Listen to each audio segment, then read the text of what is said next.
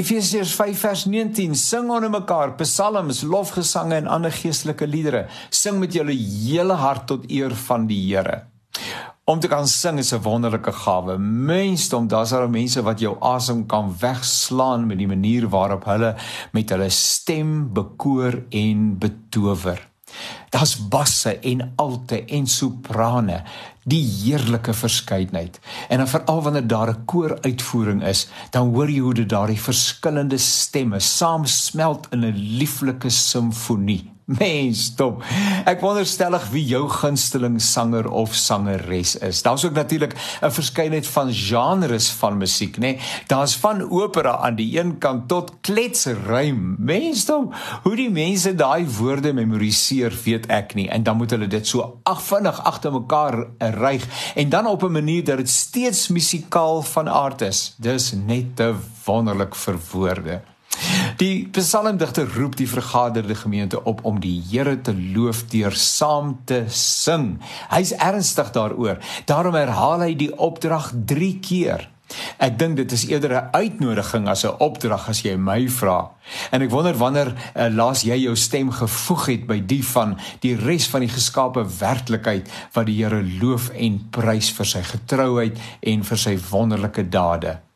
Sommige mense sê mos hulle kan nie sing nie. Maar ek dink nie dis waar nie. Jy kan dalk nou nie noodvas wees nie, nê? En uh, jy mag voel dat jy nie musikaal is nie. Uh dit mag so wees, maar maar dit beteken nie dat jy nie kan sing nie. In elk geval, wanneer dit by die lof en die aanbidding van die Here kom, sing jy mos nie om ander te beïndruk nie. Jy sing omdat dit die regte en die dankbare ding is om te doen. In die teksvers maan lesers om 'n nuwe lied te sing. God stagneer nie. Hy is gister, vandag en tot in ewigheid dieselfde. Dit is waar en sy liefde en ontferming duur van geslag tot geslag. Tog is hy dinamies met ons elkeen individueel en gesamentlik op pad. Jesaja doen dan juis 'n oproep dat ons nie by die verlede sal vasval nie. Dis 'n groot versoeking om die verlede te idealiseer. Toe was alles beter, redeneer ons. Dit is waarskynlik nie heeltemal die waarheid nie, omdat alle seisoene maar hulle uitdagings het wat te bowe gekom moet word. Nee, die uitdaging is om met nuwe oë na die toekoms te kyk en moontlikhede te verken en ook in jou sang dit te verwoord. Mense het uh, die merkwaardige vermoë om innoverend te wees. Kreatiwiteit, die vermoë om vars te dink oor bestaande situasies kan 'n mens telke male verras. Die digter sê: "Sing 'n nuwe lied" en hy herhaal dit 3 keer. Hoor ek hoor net hoor net weer 'n keer.